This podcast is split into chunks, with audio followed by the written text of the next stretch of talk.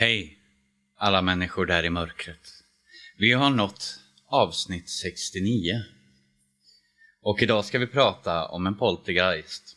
Och det är inte vilken poltergeist som helst, utan det här ska tydligen vara en dokumenterad historia, enligt Mikaela själv. Det är Mikaela Schmidt som har skrivit den här historien enligt hur hon själv har fått höra den.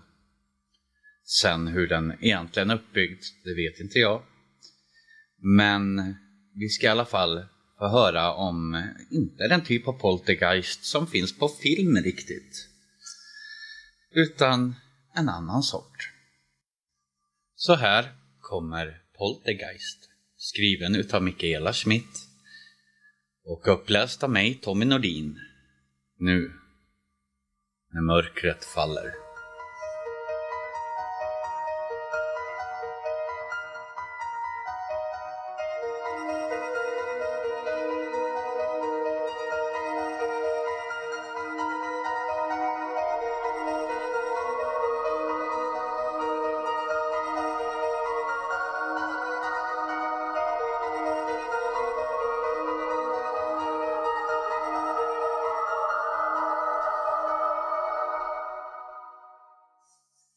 Historien jag nu ska berätta är lite speciell så tillvida att det tycks finnas en viss dokumentation kring vad det var som hände.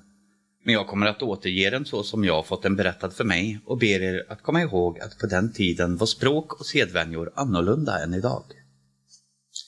När saker och ting berättas av vittnen eller i andra hand är inte källkritik alltid av högsta prioritet. Men det behöver inte betyda att det inte är sant. Särskilt inte när de stora dragen stämmer. Det räcker med att det är länge sedan. Det som hände var rätt välkänt när det inträffade. Det fanns vittnen och det finns en del att hitta om det i gamla arkiv för den som vill och orkar gräva. Kanske till och med någon kommer att känna igen det på grund av det. Men det är ändå värt att berättas. På mitt sätt. Från mina privata källor. Det hela tog sin början år 1872. Den sommaren blev fru Landin änka och eftersom hon var barnlös stod hon plötsligt ensam med att ta hand om både gården och att försörja sig och sin gamla mor som också bodde där. Det var tungt och svårt och pengarna sinade snabbt. Hon var tvungen att komma på en lösning före vinterns ankomst. Annars skulle det gå rysligt illa för dem. Lösningen blev att sälja gården till herr Hallgren för en förhållandevis låg summa mot att hon och hennes mor fick bli satta på undantag, som det hette på den tiden. Att bli satt på undantag var inte alldeles ovanligt och betydde i stort sett att man gick i pension och att husets herre åtog sig att hålla med mat och husrum. I änkan Landins fall betydde det två rum som hon och hennes mor förfogade över så det var ett ganska bra avtal för båda parter. Hallgren fick en stor gård till ett lågt pris och änkan och hennes mor fick sin ålderdom tryggad. Frid och fröjd kan man tänka. Och så var det också. Till en början. Men framåt jul skulle idyllen förändras till en mardröm för dem alla. En sen vinterkväll när stormen tjöt runt knutarna och snön yrde så att man ingenting kunde se utanför de otäta fönstren bultade det plötsligt på änkans dörr. Änkan, som trodde att det var husfolket som kom med mer ved, skickade fram sin brorsdotter som för tillfället var på besök för att öppna dörren. Hon hörde flickan skrika till och rusade förskräckt till undsättning. Men det var redan för sent. En liten rynkig lappgubbe med små elaka ögon stod i farstun och bad om skydd för natten mot väder och vind. Ja, jag är medveten om att man säger same, men när det här hände och när det berättades för mig gjorde man inte det. Flickan Britta stod tryckt mot väggen och gubben stod alldeles för nära inpå för att det skulle kännas rätt och riktigt, vilket fick änkan att neka gubben nattlogi. Gubben struntade fullkomligt i det. Han stegade bara förbi dem in i rummet och slog sig lugnt ner på en pinnstol framför elden. Änkan försökte få ut honom. Hon talade, skällde och försökte mota ut honom. Men han bara satt lugnt kvar och lät sig inte bekomma. Till slut gav hon upp och skickade i smyg flickan Britta att hämta Hallgrens dräng som var stor och stark och inte rädd för någonting. Om någon kunde få ut gubben så var det han. Och mycket riktigt. Drängen kom och i ett höj hade han lyft ut både gubbe och stol och satt honom ifrån sig i en snödriva ute på gården. Nöjd med sitt verk tittade han in till kvinnorna för att se att allt var väl och blev förvånad när han upptäckte att gubben hunnit före honom och nu satt framför brasan igen och värmde händerna med ett listigt ansiktsuttryck. Drängen ruskade av sig obehaget och lyfte ut gubben en gång till, bara för att upptäcka att samma sak hänt ännu en gång. Efter ett tredje försök utan resultat tappade till och med drängen modet. Han vågade inte försöka fler gånger, slank hem till drängstugan med svansen mellan benen och lämnade änkan och Britta att klara sig själv bäst de kunde. Vid det här laget var de som man kan begripa riktigt, riktigt rädda och lappgubben han var rosenrasande. Han röt och skrek och svor så hårt att änkan drog till sig både flickan och sin bibel och började be Fader vår. Men detta tycktes bara göra gubben ännu argare och till slut var han ända framme vid änkan, slog bibeln ur hennes hand och skrek Efter denna stund, detta har du gjort mig, ska du aldrig mer ha en lugn och glad dag. Och med det stampade han ut genom dörren, smällde igen den efter sig med brak och försvann ut i yrvädret för att aldrig mer synas till. Och det var början på allt som sedan skulle komma att drabba änkan och också hennes omgivning. För snart därefter började den terror som skulle följa henne resten av hennes liv. För efter den kvällen fick hon aldrig mer frid och ro och det blev aldrig tyst. Det började med knackningar som bara hördes när änkan var i rummet. Värst var det på nätterna för då ökade knackningarna i styrka till ett fruktansvärt oväsen som inte lät någon sova. Snart började det krafsa i väggarna, under golvet, bakom möblerna och ibland kunde man höra fötter gå över golvet när ingen var där. Vedträn for med kraft ur den öppna spisen och då och då till och med stenar ur själva murstocken. Oftast for det iväg åt änkans håll och hon fick göra vad hon kunde för att hålla sig ur vägen. Fasansfulla stönanden kom från ingenstans och det slamrade av grytor och kastruller.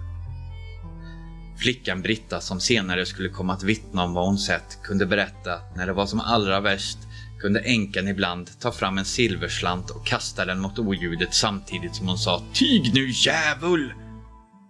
Det kunde ibland dämpa bullret något. Ibland, men inte alltid. Allt eftersom tiden gick blev det värre och värre.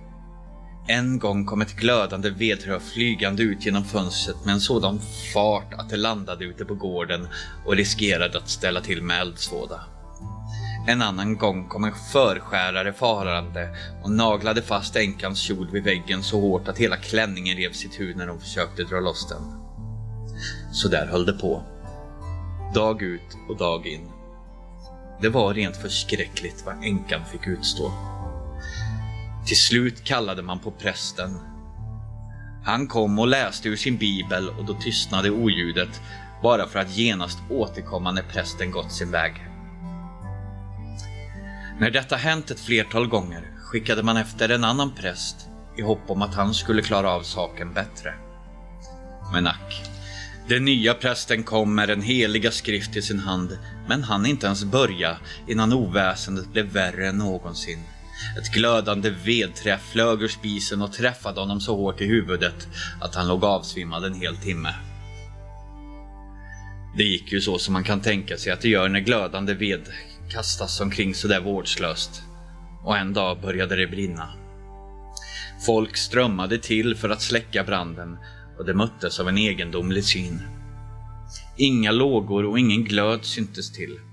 Bara tjock svart rök och bara i änkans rum. De saker som bars ut var oskadda och resten av huset också. Det enda som var bränt bortom all räddning var änkans rum. Nu började länsman bli misstänksam. Han trodde inte på vad änkan berättade och inte heller på det andra på gården. Vidskepelse och lurendrejeri var inget han övervägde som förklaring till branden. Han trodde att det kanske var Hallgren som iscensatt alltihop för att bli av med de båda gummor han hade på undantag. Särskilt änkan som bara var runt 50 och hade ett drygare avtal än sin åldrande moder. Så det blev husrannsakan hemma hos Hallgren under tiden detta pågick flyttade änkan till en annan gård i närheten. Golven revs upp, vedträn undersöktes, men man hittade aldrig någonting som kunde tyda på att Hallgren på något sätt varit orsak till de händelser som drabbat änkan. Nu borde det vara slut på spökerier kan man tycka. Men så blev det inte. Det blev lugnt på gården, men för änkan fortsatte det som förut i det nya hemmet. Vedträn flög omkring på samma sätt som förut, men nu ännu oftare och först när det glödde ordentligt eller brann och det hände flera gånger att det satte eld på änkans kläder eller startade små bränder var helst det landade. Det nya husfolket oroade sig för att det skulle starta en storbrand och gav inte änkan mer att elda med. Det hade också mycket svårt att uthärda det oväsen som ständigt följde änkan i hälarna och att saker och ting flög omkring. När så ett strykjärn kastades i en korg porslin så att allt gick i tusen bitar fick det nog och körde tillbaka henne till hemgården. Där fick hon en bostad i en mindre stuga, långt ifrån resten av gården. Men inte heller där fick hon frid. Ingenting tycktes kunna hjälpa henne. Vedträn flög och oväsen följde henne var hon än var och nu hjälpte varken välsignelser från kyrkan eller några vetenskapliga undersökningar och änkan dog vid påsk det året. Inte ens ett år efter att alltihop började. Enligt läkaren som tillkallades avled hon av multipla infektioner i flera av alla de brännskador som de kringflygande vedträn åsamkat henne. I samma ögonblick som hon dog tystnade allt oväsen och det blev lugnt på gården. Men i åratal efteråt klagade det på att hästar vägrade passera gården nattetid och att folk kom från när och fjärran för att se det spökhus som tagit livet av änkan Landin. Till och med lärt folk ifrån både Uppsala och Lund kom för att undersöka vad det var som hänt. Men gåtan förblev olöst. Hallgren, han rev huset och byggde upp ett nytt där det gamla stått, i hopp om att äntligen få lugn och ro. Och för det mesta fick han det. Men varje jul och påsk sedan dess vägrar hästar att passera. Nu i modern tid stannar bilar, el krånglar och elektronik slutar att uppföra sig väl. För en poltergeist som drev änkan till sin död är inte borta med henne. Den vilar. Ibland rör den sömnet på sig. Men den vilar. Och den är mycket, mycket lätt att väcka.